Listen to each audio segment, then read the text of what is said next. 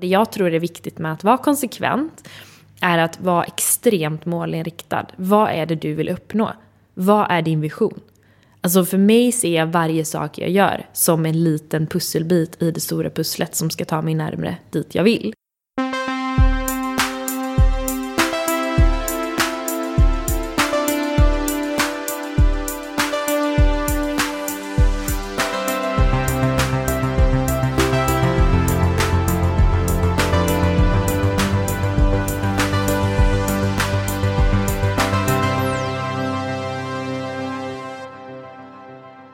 Hjärtligt välkommen tillbaka till eh, podden som heter Heja Framtiden. Jag heter Christian von Essen. Sitter i min studio på Roslagsgatan 23 i Stockholm tillsammans med Joella Skog. Välkommen hit. Tack så mycket. Um, känd från LinkedIn för många. Och eh, vi ska prata lite om vad du gör och hur du gör det. Men uh, först och främst, uh, vad gör du i Stockholm? Här idag? Ja, jag är i Stockholm för jag kom hit för att sälja min lägenhet och eh, samtidigt nätverka lite, träffa lite folk, träffa vänner. Så, så därför är jag i Stockholm nu några veckor. Och normalt sett baserad mycket i Italien? Ja, exakt. Jag har rest runt och bott på olika ställen i Italien senaste ett och ett halvt, två åren. Eh, och gillade väldigt mycket. Så, så jag kommer fortsätta med det. Mm. Lite digitalt nomadliv. Ja, det kan man väl säga. Folk gillar att se det i. Ja, precis. Bara för att man har en laptop i ett annat land så är man Ja, precis. Nomad. Man är i ett annat land med datorn. um, men uh, du jobbar som uh, coach mycket mm. med uh, att utveckla personliga varumärken ja. och hjälpa andra företagare att växa. Kan vi backa lite och ta det från början då? Var, var kommer du ifrån innan det? Hur ledde det fram till detta? Absolut. Absolut. Nej, men jag jag jobbade innan i marknadsföring som anställd och har alltid varit väldigt så här, eh, driven, karriärsdriven ända sedan jag var tonåring av någon anledning. Och var alltid så här, byggde upp min karriär och var väldigt fokuserad på det typ. Eh, men var anställd, bodde i Stockholm och började väl känna att jag lever nog inte riktigt det livet jag vill leva. Det här är nog inte det jag är menad att göra. Mm. Det är nog inte så här jag ska ha det, typ gå till jobbet alltså 9 till 5 eller 8 till 5 och jobba med liksom, corporate grejer. Jag kände att det inte riktigt var för mig. Det skavde, någonting skavde när man känner att man gör någonting som är väldigt, väldigt fel. Så jag tog faktiskt en paus från jobbet och åkte till Italien för att plugga italienska, vilket var så väldigt välbehövligt för en person som alltid varit så driven och fokuserad på karriären. Att ta paus och faktiskt vara ung ett tag. Och eh, det var då jag insåg att så här, det är så här jag vill ha det, mer frihet. Så här, absolut vara i Italien, men framförallt ha frihet och eh, bestämma över min tid som många vill ha det som tror jag. Alltså mer eller mindre, alla, vill ju ha, alla människor vill ha frihet, en mänsklig grej tror jag. Men man har väl olika stort behov av frihet. Och jag kom fram till att jag har nog ett väldigt stort behov av det. Mm. Och eh, bestämde mig för att starta eget. Vilket jag gjorde precis innan pandemin i princip. Och då som konsult inom marknadsföring började på det hållet. Och gjorde det i några år och lyckades ganska bra inom det. Hade min nisch inom marknadsföring och började föreläsa och utbilda för företag och, och sådär. Och gjorde det jag, exakt det jag ville. Och då igen kände jag, nu är någonting fel. nu behöver jag ändra på någonting. Jag tror inte jag längre vill marknadsföra åt företag. Jag vill bygga mitt egna bolag och jag vill hjälpa liksom mer individer och företagare marknadsföra sig själva så som jag hade gjort för mig själv. Och det var så jag började coacha och vara mentor i, för företagare som vill bygga sina personliga varumärken. Vad kan det vara för typ av eh, kunder du får in? Då? Det brukar oftast vara konsulter eller coacher. Mm. Som är liksom drivna, vill växa sina bolag, eh, ofta vill ha, kunna välja sina kunder, ta högre betalt, vill liksom eh, växa, ja, växa sina bolag, kunna tjäna mer pengar och ha mer frihet. Många, jag jobbar med både män och kvinnor, men det är många kvinnor framför allt jag jobbar med. För det är många kvinnor som vet att de borde synas på sociala medier och bygga sina personliga varumärken, men ofta är lite så här rädda för det och ta plats och man ska inte, vem är jag att göra det här och imposter syndrom är väldigt, väldigt vanligt och en stor anledning till att jag gör det här och varför jag tyckte det var så viktigt för mig att bygga mitt personliga varumärke var inte bara så här, jag vill ha kunder, utan det var också att jag tycker det är så viktigt att se fler kvinnor ta plats i näringslivet, ta plats på sociala medier, sina respektive branscher, att vara liksom ledare och förebilder.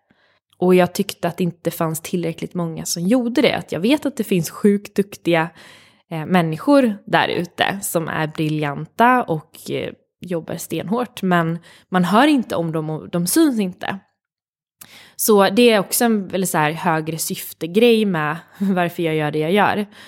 Jag vill se liksom fler kvinnor, så jag vill, jag vill dels kunna vara en förebild och att man kan känna att okej, okay, men om hon kan så kan jag, men också hjälpa dem rent liksom, aktivt. Mm. Gör en genomlysning då av så här, mina sociala kanaler och ser hur jag presenterar mig själv, vad jag skriver, hur ofta jag postar. Alltså är det en sån typ av analys också? Vi gör helt enkelt, vi formar deras personliga varumärken. Mm. I mitt program så formar vi deras personliga varumärken och identifierar vad är det du vill egentligen, vem vill du jobba med, vad är din nisch, Eh, vad ska, du, vad ska din innehållsstrategi vara? Eh, så väldigt strategiskt samtidigt som du ska vara ditt liksom, autentiska jag och hitta vem du faktiskt är och vad du vill prata om och vad dina värderingar är och så vidare. Och sen så hjälper jag dem med själva liksom, feedback på deras inlägg och sådana här saker och också en slags bollplank och rådgivare för dem längs vägen kring alla de här delarna med sin positionering, sin målgrupp, idealkund, sina mål och bli mer strategisk i sitt företagande och sin marknadsföring.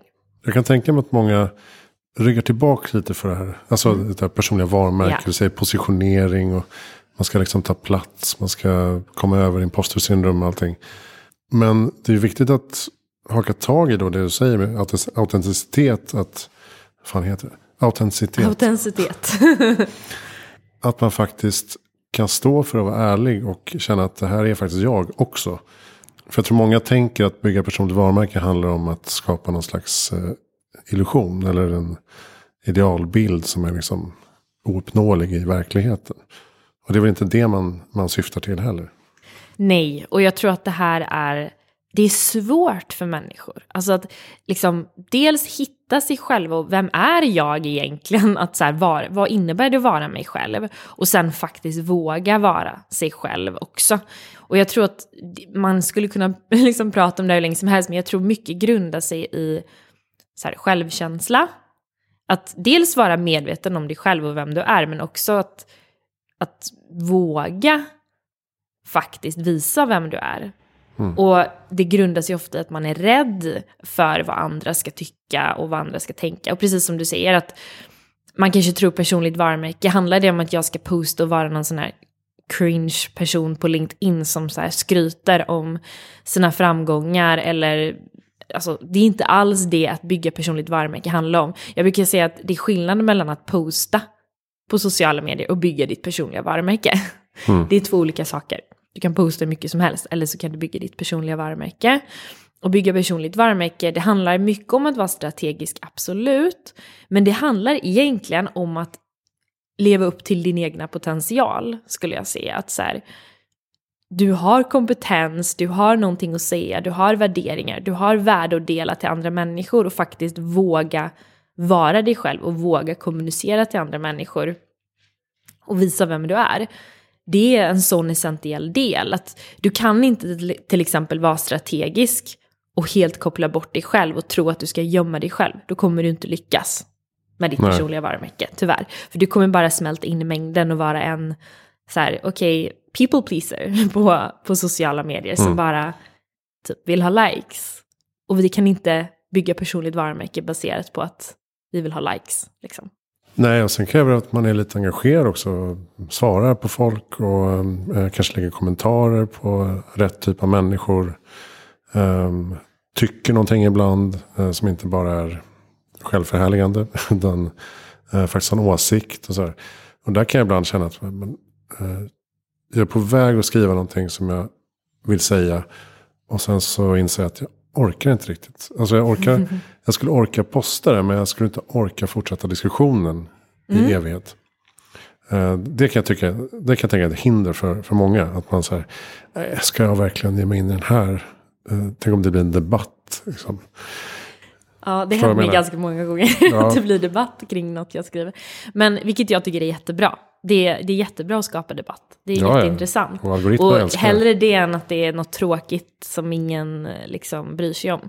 Så att så här, det är inget fel på det, men jag tänker att rent tidsmässigt om du känner att okej, jag har inte tid att svara på kommentarer, kanske det är bra att schemalägga inlägget när du vet att du kommer ha tid så här, Mm. att gå in och svara på kommentarer. Sen så när det kommer till autenticitet, jag, tyck, jag tror väldigt mycket på autenticitet i alla aspekter av ditt liv och företagande. Till exempel om det inte känns autentiskt och du inte känner för att kommentera på x antal personers inlägg varje dag, don't do it. Det kommer skina igenom den där typ falska engagemanget. Det kan vara bra att sätta de kraven på sig själv för att komma igång. Så här, jag ska posta så här många gånger, jag ska kommentera. För att komma igång i det, för att problemet är att folk inte kommer igång. Men jag skulle inte vilja leva mitt liv på det sättet att här, vara superdisciplinerad med allting hela tiden. Och nu ska jag gå in och svara. Nu ska, om jag känner att jag måste ta break från att svara på kommentarer, då skiter jag i det. Liksom. Det är helt okej. Alltså. Men du schemalägger i LinkedIn. Du använder ingen tredjepartstjänst idag. Jag gjorde det förut, men Ja. nu, nu schemalägger jag LinkedIn. Förut schemalagde jag nästan aldrig faktiskt, men nu Nej. gör jag det mer. För det, då kan jag posta oftare och inte behöver känna att idag ska jag posta någonting. Liksom. Då kan du lägga upp en veckoplan. Liksom. En bombmatta. Alltså jag brukar väl schemalägga kanske några dagar i förväg, ibland en dag i förväg och ibland har jag inte schemalagt någonting. Så för mig är det ganska sporadiskt för jag känner inte att jag behöver schemalägga. Jag försöker mer vara väldigt, jag vet ju min strategi i huvudet, jag vet varför, vad jag gör och varför jag gör det. Och sen så försöker jag liksom, när jag känner för det, skriva ihop någonting och så postar jag den dagen eller så schemalägger jag några dagar framåt. Så för mig är det inte så planerat. Så jag tror att alla människor måste fundera på vem är jag, hur funkar jag? Behöver jag skriva allt mitt content två veckor i förväg och schemalägga allt? Eller är jag mer sporadisk och kan jag fortfarande vara konsekvent trots att jag är sporadisk? Så man måste känna sig själv där och hur man funkar. Jag tycker inte det finns någon regel vad du måste göra. Nej. Och det- fina med det, det du gör. Du vill ju nå folk som vill leva som du. Så att. Ja, de, du vill ju hitta folk som speglar sig yes. i dig. Och därför är det väldigt smidigt för dig att måla upp de positiva delarna av ditt liv och hur du jobbar från Italien och eh, dra in pengar, du får nya leads. Det är ju någonting som jag som konsult kan direkt appelleras till och tänka så här, ja men hur fan gör de det då? Och eh, bli nyfiken på vad du säljer. Precis. Så det är ganska, du är, ganska, du är väldigt nära din egen målgrupp så att säga. Ja, ja, just nu kanske min målgrupp är jag för en till två år sedan. Mm. Kanske. Och det gör det ju enklare. Men innan var jag konsult och då byggde jag mitt personliga varumärke inom marknadsföring mot vd marknadschefhållet. Så jag har ju bytt helt nisch och målgrupp. Ja, det. Så det är fullt möjligt liksom att göra båda hållen åt helt olika typer av personer. Ehm, men ja, det är ju så här, jag målar ju upp det, jag pratar ju mycket om det på grund av att jag vet att min målgrupp är intresserad av det. Om jag visste att det här var helt irrelevant för dem, helt irrelevant, då hade jag förmodligen inte pratat lika mycket om det eh, som jag gör. För att det är för att jag vet att Nej, precis. En, vd är inte så intresserad av om du som konsult lever i Italien. Nej. och Och typ älskar att va- driva företag. För Nej. att han driver inte företag så. Så då kanske det liksom inte är lika intressant. Men då kanske det mer handlar om att jag ska kliva in i en expertroll och prata om re- resultatet jag kan leverera för dem. Liksom. Och, och det gjorde jag i min förra konsultliv då. Mm. Eh, mycket och blev mer en expertperson inom ett specifikt område. Jag hade ju en föreläsning i morse för eh, studenter eh, på Virtual Career Day som sändes från Stockholms, universitet. Och eh, jag brukar alltid försöka, när jag pratar med studenter så försöker jag alltid uppmuntra till att så här, inte nödvändigtvis så här, hitta din passion och kör, utan, men, men att man kan göra det som en sidosyssla. tycker att någonting är fantastiskt roligt så att tiden försvinner. Älskar du att uh, binda böcker.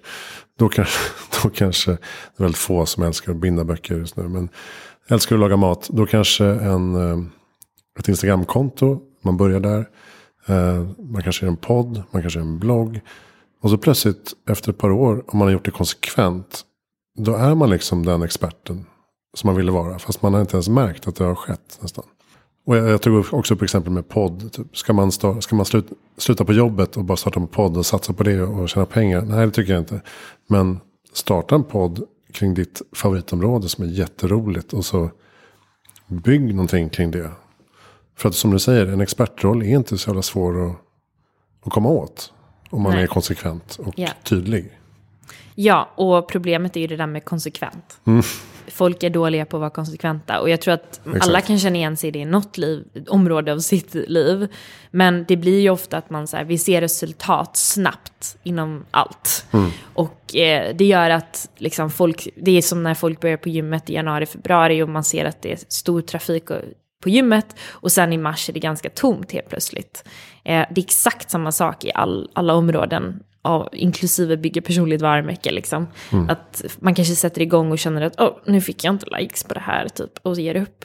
Och ser inte den stora bilden. Och det jag tror är viktigt med att vara konsekvent är att vara extremt målinriktad. Vad är det du vill uppnå?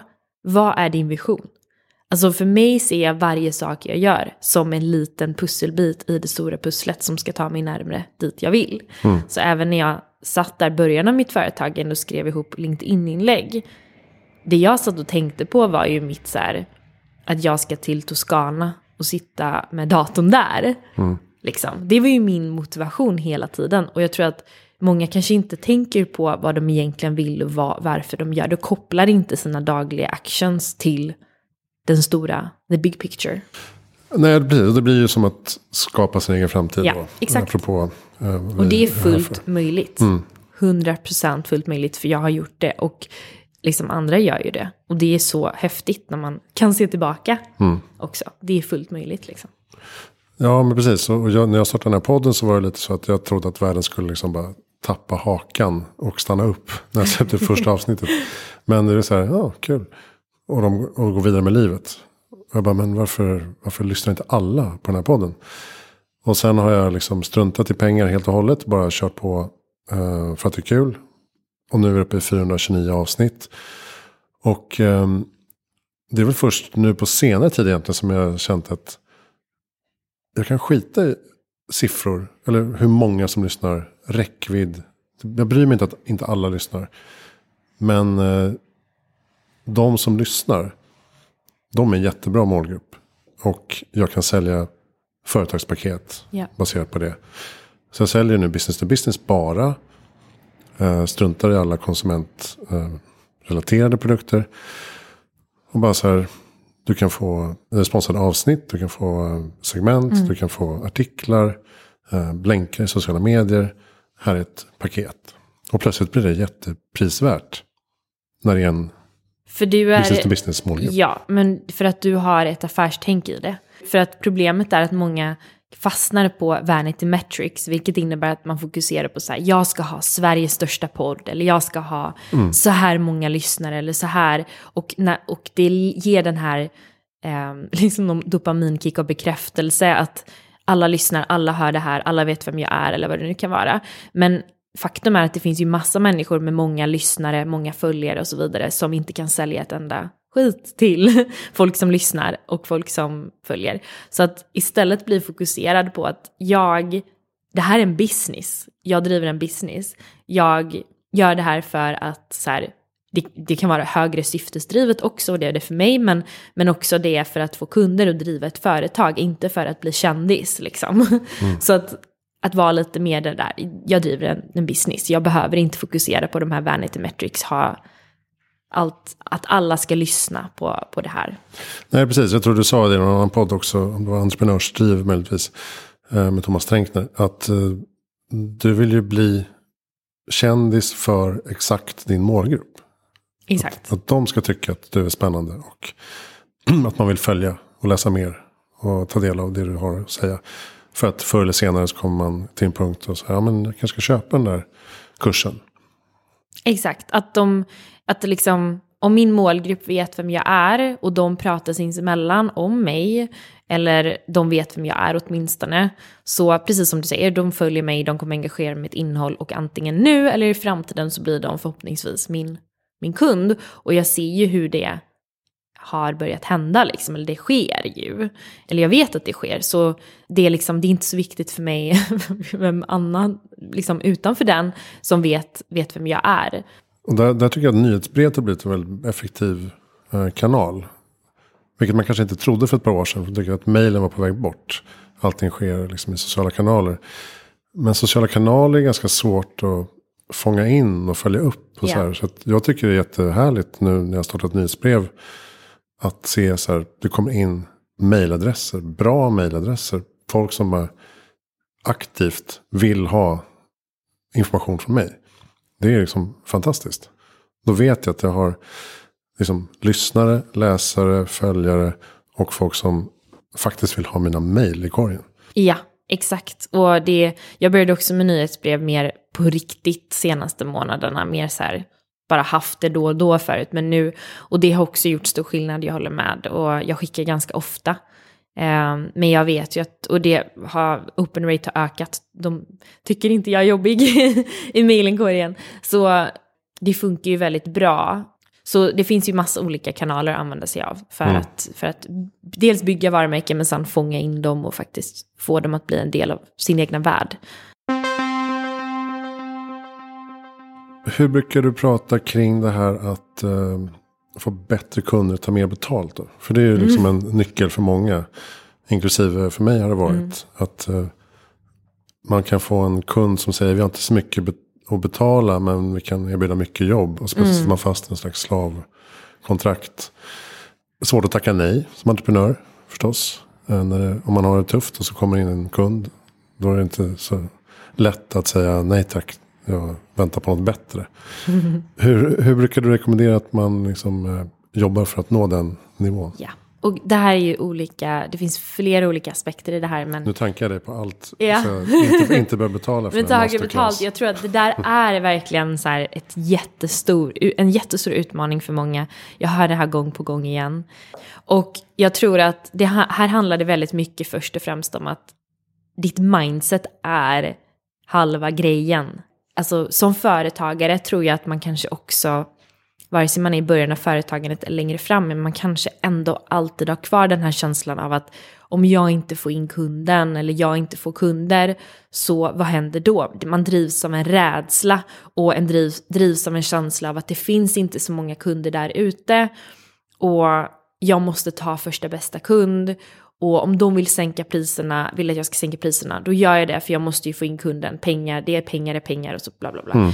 Och det man behöver göra är att mer gå in i ett mindset av att det finns mängder av kunder där ute. Och rätt kunder finns där ute för mig som är villiga att betala mig det jag är värd. Så jag är villig att tacka nej till de kunder som jag känner att jag inte vill sänka mina priser för. Liksom. Det är en aspekt av det mindset.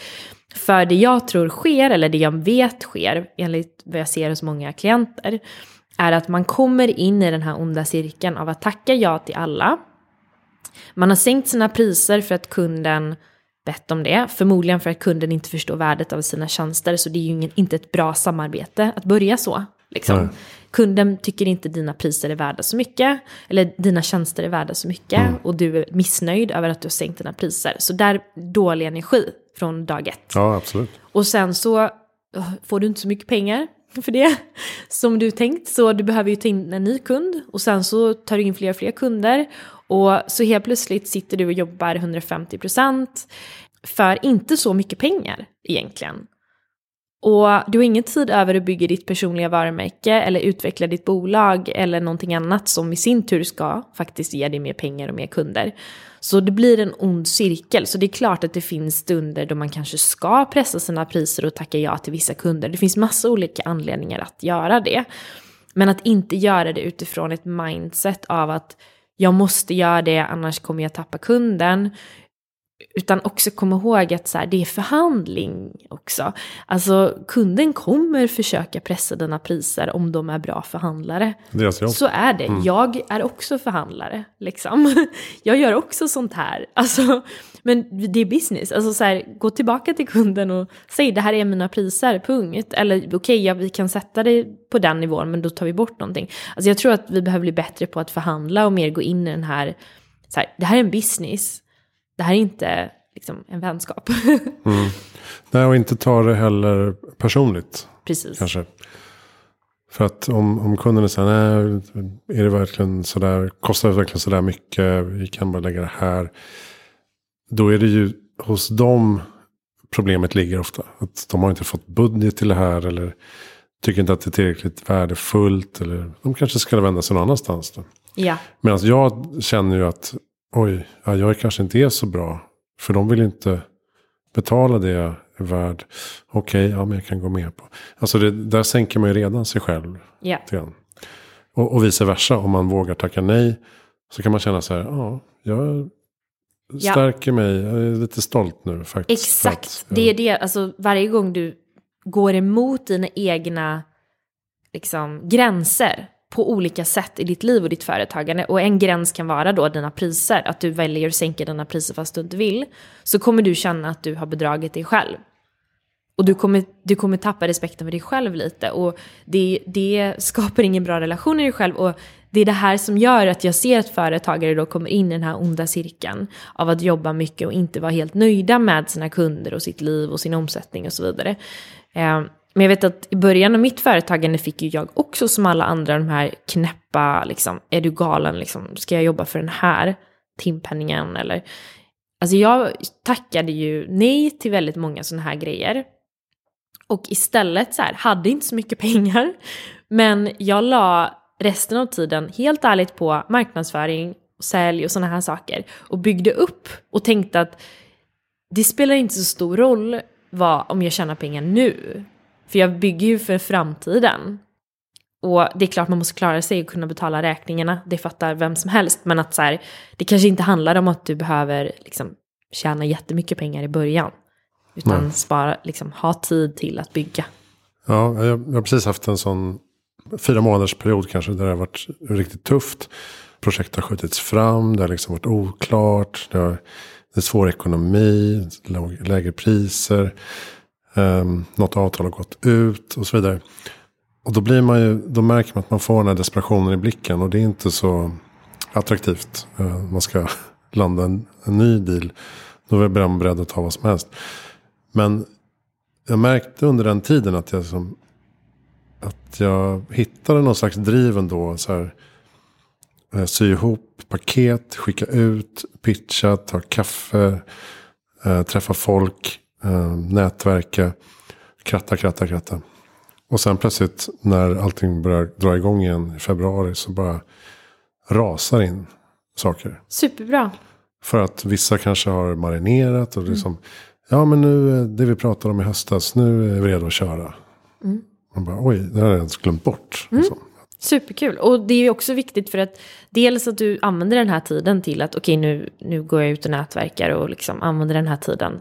Eh, men också att jag tror väldigt mycket på att vi behöver öva på tillit. Alltså på tal om framtiden, tillit till framtiden. Mm. Alltså det handlar om, jag tror någonstans som entreprenör man måste vara lite delusional. Alltså man måste, tror jag. Och det handlar någonstans om att så här, okej okay, pengar har inte kommit in än denna månaden. Men jag tror det kommer. Det kommer komma. Jag är helt säker på det. Mm. På något sätt. Jag vet inte hur. Och det är lite så spirituellt nästan.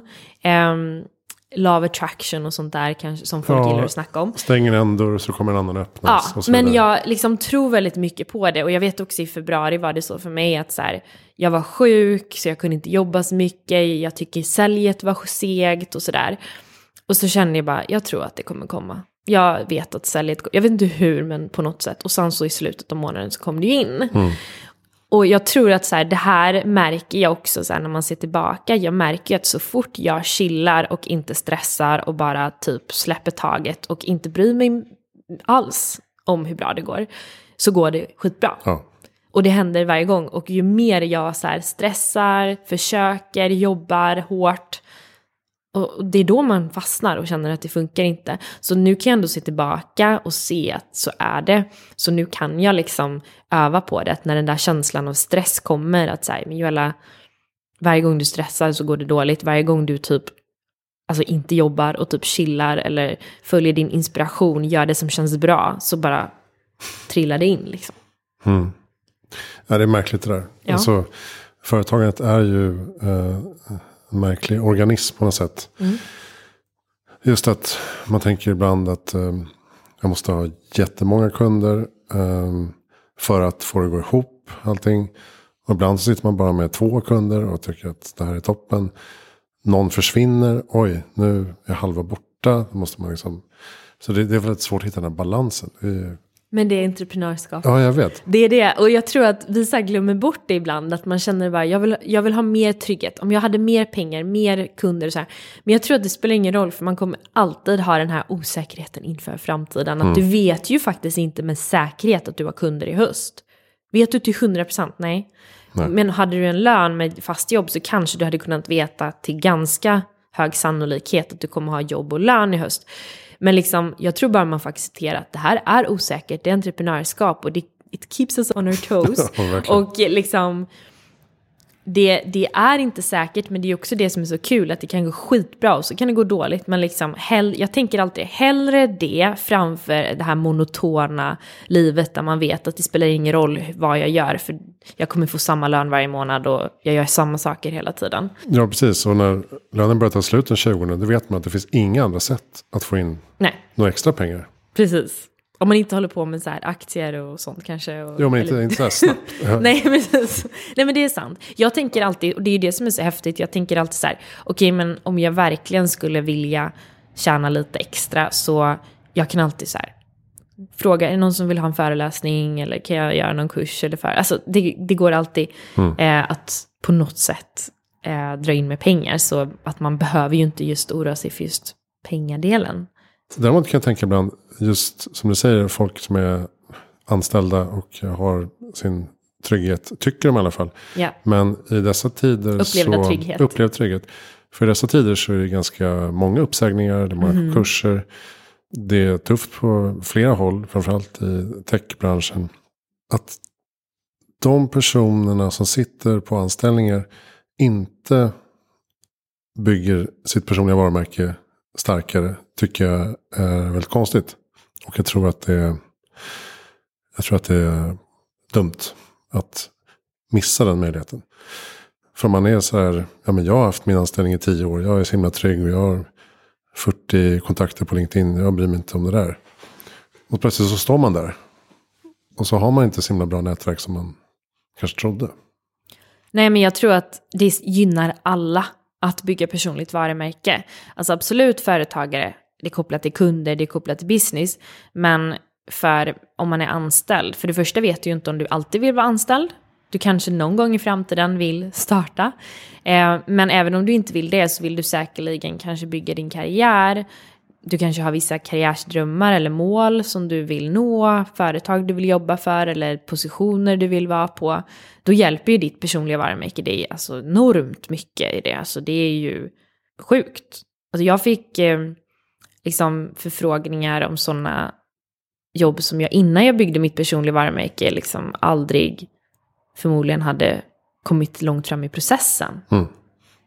Och sen så fick jag förfrågningar när jag, inte ens, när jag var företagare och inte ville vara intresserad. Men det är liksom fullt möjligt att, att bara liksom få jobbförfrågningar inom branscher och från liksom drömjobb. Ja, det kan till, och med, kan till och med vara så att folk tillskriver en egenskaper som man inte nödvändigtvis ens har. För att man blir ett varumärke. Man blir en, någon slags vän med personen. Precis. Det var någon studie, jag tror det var LinkedIn, som sa att 80% av alla jobb fylls upp av kontakter och nätverk. Ja. Det är mycket, så om man någon gång kommer behöva byta jobb eller behöver ett nytt jobb för att man har blivit uppsagd eller liknande. Så här, ditt nätverk mm. är allt. Ja, men det jag säger till studenter också. Så här, skapa en LinkedIn-profil redan nu. Alltså vänta inte tills ja. du ska börja jobba. För att du bör börja bygga nätverket redan nu. Följ de som är intressanta, kommentera på det som du tycker är spännande. Och eh, göm dig inte bakom eh, Zoom-webbinarierna heller. Utan mm. finns det möjlighet till sociala sammanhang eller event, nätverkande så ta den chansen. Liksom. Verkligen, men jag tror att det där är något som är väldigt vanligt också. Jag har ju företagare som ibland säger till mig också så här, eh, ja, nej men jag är intresserad av att bygga mitt personliga varumärke, men jag behöver inte göra det just nu för jag är fullbokad. Så jag, kanske när jag behöver en kund så hör jag av mig till dig. Alltså jag tycker mm. det är mm. så roligt, för det är så här motsatsen till hur du ska tänka. Att så här, du ska ju ha byggt upp allting, så när du behöver så finns det ju där. Jag känner mig väldigt trygg med också att om jag någon gång inte skulle vilja vara företagare, vilket känns helt orealistiskt, men om det skulle vara så så skulle jag bara ta kontakt med mitt nätverk och säga att nu söker jag jobb. Liksom. Alltså, det är inte så att du ska göra det när du har panik och det, du, du måste ha jobb nu. Nej. Du ska göra det hela tiden. Nej, det, det är synd att det ska vara så, men det är mm. så jäkla svårt. Alltså mycket svårare mm. när man har den här, den här blicken. Mm. Men det, äh, apropå autenticitet, så, så det under den här jobbiga perioden då. När jag då valde att marknadsföra och eh, pusha mina erbjudanden och sådär. Det var väl enda en enda gång jag kände att, att man inte riktigt var 100% autentisk. Mm. Eftersom jag satt hemma och eh, skrapade ner på barnens sparkonton typ. Och samtidigt bara, jag postar den här härliga bilden. Jag föreläser. Och, vad behöver ditt företag hjälp med? Förstår du menar? Att, mm. Eh, typ att du försöker få kunder och då blir det lite att du liksom inte vill ja, då kan man inte hur säga, det egentligen är Nej, man kan nu. inte säga att jag har det skitjobbigt. Kan någon bli mm. min kund? Det, det är nej, inte så sexigt. Nej, och sånt har jag sett ibland. Då tänker jag bara nej. Hjälp mig. Ja. Nej, precis. Nej, men det behöver det ju inte vara. Utan det kan ju vara så här.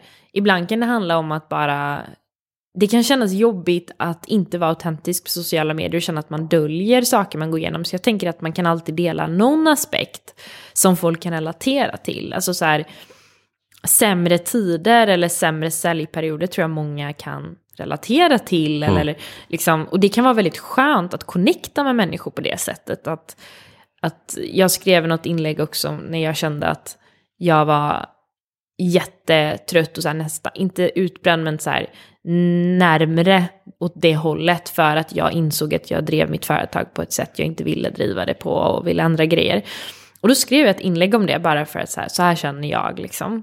Um, och det är klart det är relaterbart på ett sätt för min målgrupp, det är ju fortfarande re liksom, relevant för min målgrupp, men det var också väldigt så här, det är så jag känner just nu och det känns konstigt att måla upp då något som är fantastiskt när jag just nu känner att jag är trött mm. och utarbetad. Liksom. Ja, så du menar att man kan hitta den balansen där också? Ja, jag tror det. det jag, tror inte, jag tror inte att alla måste, alltså det kan vara lite så här på sociala medier också att man tror att autenticitet är lika med jag ska prata om allt som är jobbigt i livet. Typ.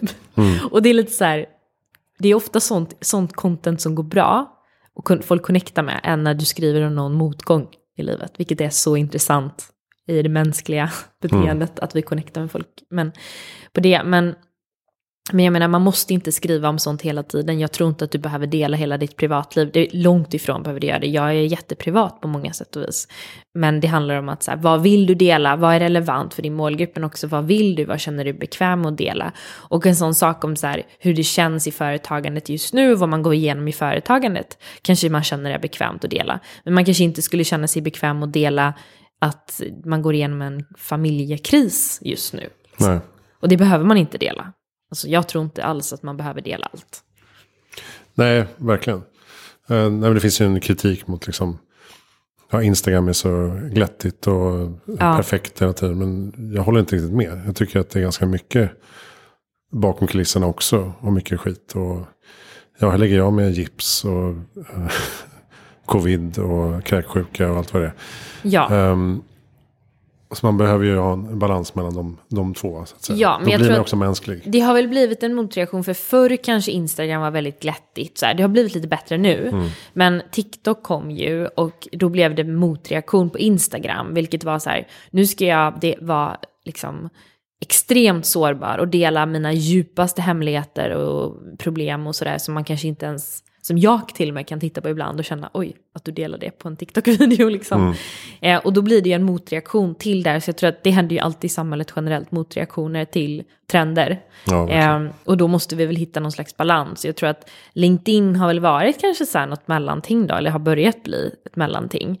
Där folk våg, kanske vågar vara mer autentiska och sårbara och sådär. Men, eh, men där det inte nödvändigtvis är så pass att det blir snudden in på för privat eller så heller. Nej, precis.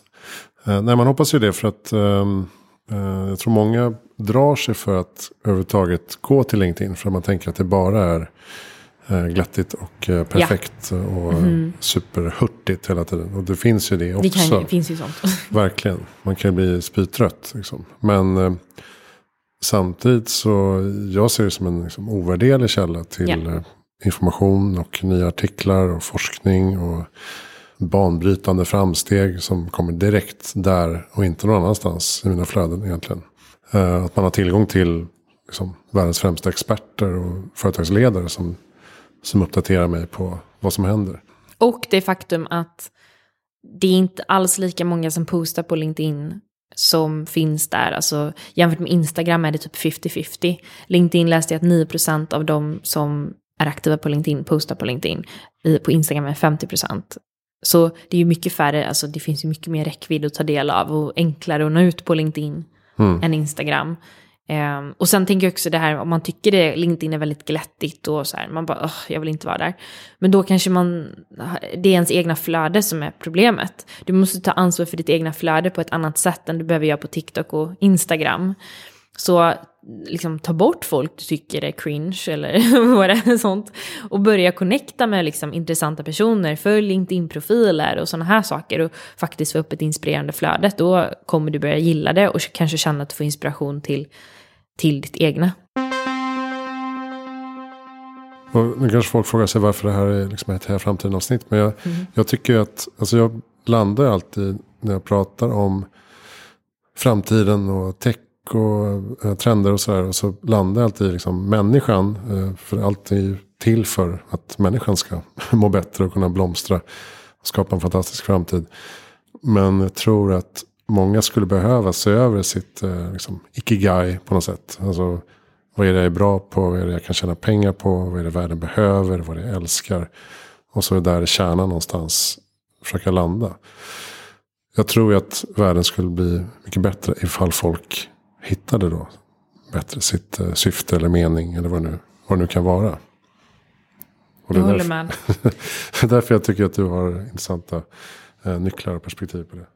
Jo, men jag håller med och eh, verkligen. Alltså jag, jag känner också att så här, jag vet hur det är att känna att man lever i liksom misalignment eller vad man ska säga. Att man kanske lever ett liv som man inte riktigt ska leva. Och man känner att man går emot sina värderingar till att nu känner jag verkligen att så här, jag lever i enlighet med mina värderingar och jag driver exakt ett sånt bolag jag vill driva. Jag lever i livet som jag vill och den känslan är så mycket bättre.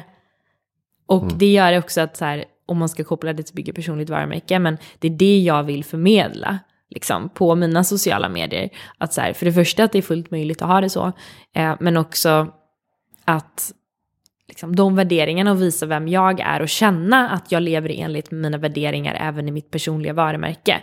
Att jag inte skriver om någonting som inte känns som jag eller inte känns autentiskt eller jag inte står bakom. Och då spelar det, när du lever i den känslan, då, då är det väldigt svårt att bry sig om vad andra tycker. Det är väldigt svårt att så här, känna, kommer jag få kritik nu eller vad ska folk tycka? Eller så här. För det känns liksom för bra, alltså för att vara kvar i det. Att så här, jag vill hellre vara mig själv. Alltså att vara sig själv är, känns så pass bra att det, det blir så oviktigt med vad andra tycker. Mm. Vad, vad, tror du att det här imposter syndrom eh, kommer från? Varför, varför är det så svårt att släppa det där? Alltså jag vet inte var det kommer ifrån. Är lite jante tror du? Jag tror inte det är bara jante, för jag tror, jag tror också det är vanligt i andra länder ja, alltså, där vi inte har jante. Så det kan vara lite jante. Men det är nog mänskligt, jag vet inte om det är att vi ser på andra människor och tror så här, Men de här personerna är ju så duktiga och, och extremt men liksom omänskliga. Och jag är en människa som, visst jag kan det här men jag är inte lika bra som den. Och jag tror att det kanske hjälper när man börjar faktiskt träffa människor i olika sammanhang och inser att så här, men de är ju precis som jag, alltså att man kan relatera till dem. Och inse att, eller typ också, jag såg någon sån här TikTok-video, det var så här, om du har imposter syndrom, typ spendera en halvtimme i ett rum med en typ startup-vd eller något sånt där. Jag tyckte det var så intressant. Va? Men det var sån här koppling att du kan vara, alltså när, om du träffar framgångsrika människor som har lyckats väldigt mycket så inser du ofta ibland så här, att de är inte så smarta som man tror. Jaha. Typ. Alltså så här, de, de, är så här, de är framgångsrika och de är drivna och de har ett grandios liksom, bild av vad de kan åstadkomma. Och så inser man att så här, okej okay, men liksom, då inser man kanske att jag kanske inte behöver ha imposter syndrome. Nej. Nej, framförallt eh, för min del är det så här, jag ska ju, jag tänker att jag ska kunna liksom alla ämnen om, om allting. Och dessutom se in i framtiden på alla sätt. Det är ju liksom fullständigt omänskligt. Och omänskligt, omöjligt. Ja, verkligen. Men, men jag har gjort det till en, um, en styrka att våga ställa dumma frågor. Och så här, vill vara på lyssnarens sida istället för att jag hela tiden framställs i fantastisk dager. Så kanske jag vågar ställa en fråga som inte eh, eller som avslöjar att jag inte kan så mycket. Men som kanske betryggande för, för någon som lyssnar. Mm. Nej, men jag tycker det är intressant imposter syndrome. Det är någonting nog man kan gräva djupare i och kanske psykologer vet något om det där. Om det har med självkänsla att göra eller om det är att man bara har en för, för stor bild av andra människor, att de är så coola och duktiga. Jag vet inte, men jag tycker mer att det man ser generellt är att de människorna som kommer längre Alltså är ju inte, man kanske tror att så här, de smartaste, duktigaste är de som kommer långt. Men så är det ju inte. Alltså Nej. det är ju de som, det är därför också det här med att ta för sig. Ta för dig, det finns mycket att ta för dig av. Du behöver inte vara bäst för att, vara, för att ta för dig. Typ, jag skulle inte säga att jag kommit dit jag är nu för att jag är bäst eller bättre än någon annan. Utan det är bara att jag har tagit för mig, helt ärligt. Det är det. Mm. Och, och dessutom så eh, skulle jag gärna se att man kom bort lite från eh, konkurrenstänket och eh, nollsummespelet. Att man tänker att för att den personen lyckas så lyckas jag mindre på något sätt. Men hjärnan funkar ju lite så. Ja, men jag tror du inte det har lite att göra med det här att om man känner att man lever out of alignment, alltså man känner att man inte har den här ikigai, liksom att man eh, lever enligt med sina värderingar. Det kanske är att man känner sig hotad på något sätt av någon som gör det eller lyckas med någonting och man själv känner. För jag tänker att Alltså om man går, alltså jag tror att man kan bara gå sin egna väg och göra saker på sitt egna sätt. Och alla har sina egna unika timelines och vägar i livet och förutsättningar och, och liksom. Det blir så svårt att jämföra sig, man, men det är lätt att jämföra sig. Eh, men det är så här, varför? Alltså, alltså skapa inte ursäkter för dig själv så att det är så här, ah, ja den personen har lyckats men, men det är bara för att den har det här och det här. Liksom. Det är inte en bra tankesätt heller. Nej. Men att, att jämföra sig och titta på andra och tro att man själv borde vara längre fram bara för att någon annan är det. Eller att, alltså det är så onödigt för det som sagt det är helt olika. Alla har så unika olika förutsättningar och olika perspektiv. Så jag, jag, ja, jag, jag tycker det är så dumt. Och dessutom, ju äldre man blir desto mer inser man att det finns inga perfekta människor eller perfekta liv heller. Alla har sitt skit i bagaget Gud, ja. och trauman och eh, relationsproblem. Eh. Alla, och det är bara det att man inte vet om dem. Ja. Vilket är ju så här normalt. Men, men det är så, alla har någonting. Så det är inga konstigheter. Du har en, du har en uh, liten modell som heter mm. RIK. R-I-C. Mm. Mm. Uh, tänkte bara vi kunde toucha den lite snabbt. Mm. Um, det handlar väl om att bygga personligt varumärke. Mm, precis, precis. Riktning, idealkund, identitet och content. Mm, precis. Är det liksom en uh, process som du använder? Ja, det är en process vi går igenom när jag jobbar med mina klienter. Och en eh, liksom, process som jag tycker så man ska tänka kring sitt personliga varumärke. Eh, och det handlar om riktning, är, handlar om att veta vad du vill och vart du är på väg. Så var ser du dig själv i framtiden? Var är du på väg? Vad vill du med det här egentligen? Du ska inte bara börja bygga ditt personliga varumärke helt planlöst, utan var är vi på väg? Vad har du för mål? Låt oss gå ditåt, liksom. Och drömmar. Och sen idealkund handlar om att vara fokuserad på din idealkund i ditt personliga varumärke. Så prata till en typ av person, inte alla, inte flera målgrupper, inte, utan en person. En specifik typ av person. Mm. Um, och identitet handlar om att forma ditt, hur du vill uppfattas, vad du vill vara expert på och vad du vill kommunicera i ditt personliga jag. Så vad är min nisch, vad är jag expert på, vad kan jag, vad är mitt område och också vad är mina värderingar, vad står jag för, vad, vilken aspekt av mitt liv vill jag visa. Så för mig har ju det varit, min nisch är personligt varumärke, och det är det jag pratar om, men min, min personliga jag är att jag pratar mycket om leva och bo utomlands och sådana här saker. Ja, och visa mina värderingar kring att följa sina drömmar och leva sitt liv och gå sin egna väg. Så det är liksom två aspekter av, av mig då i mitt personliga varumärke. Och sen content som centreras kring din riktning, idealkund och eh, din identitet. Så ditt content ska reflektera ditt, din expertis och ditt personliga jag, så din, liksom, ditt personliga varumärke.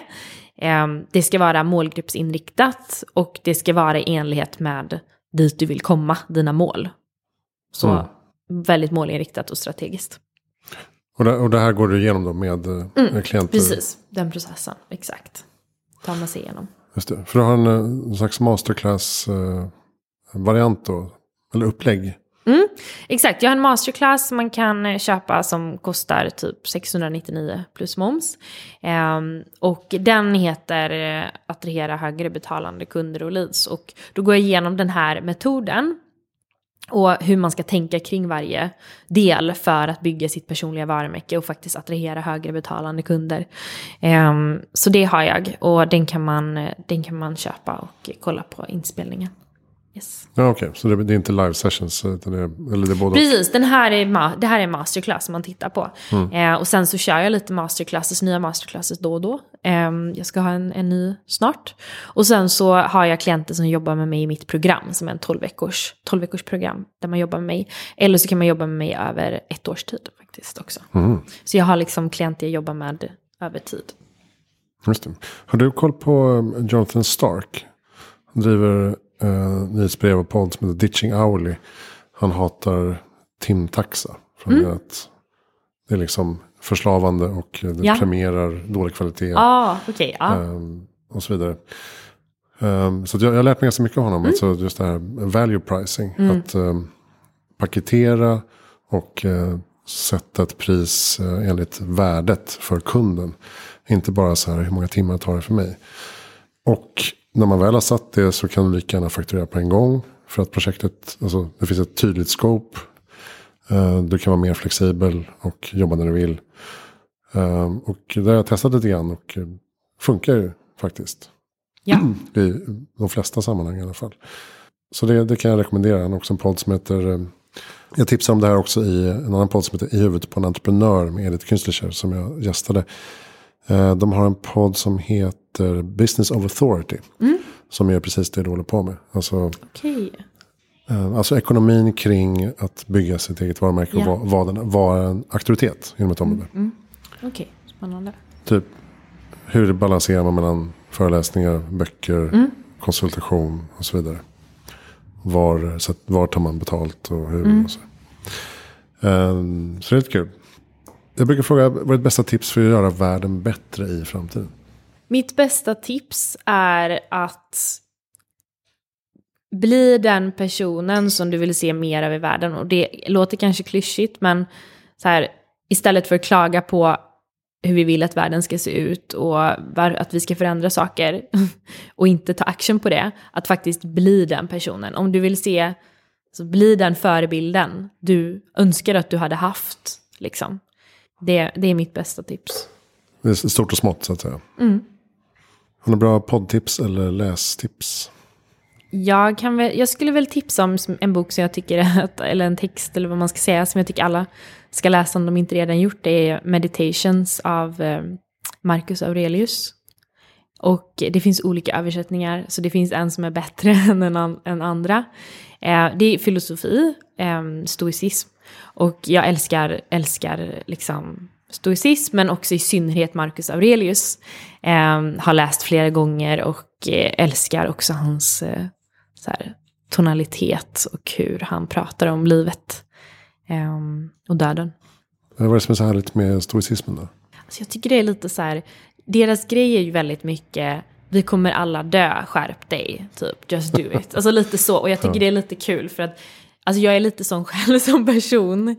Ehm, det är lite ra- det är ganska rakt och det skapar mer en så här, känsla av att du kan göra vad du vill, liksom. det här är ditt liv och vi har bara ett liv och det är snart över. Och så här, varför tar vi grejer så himla seriöst?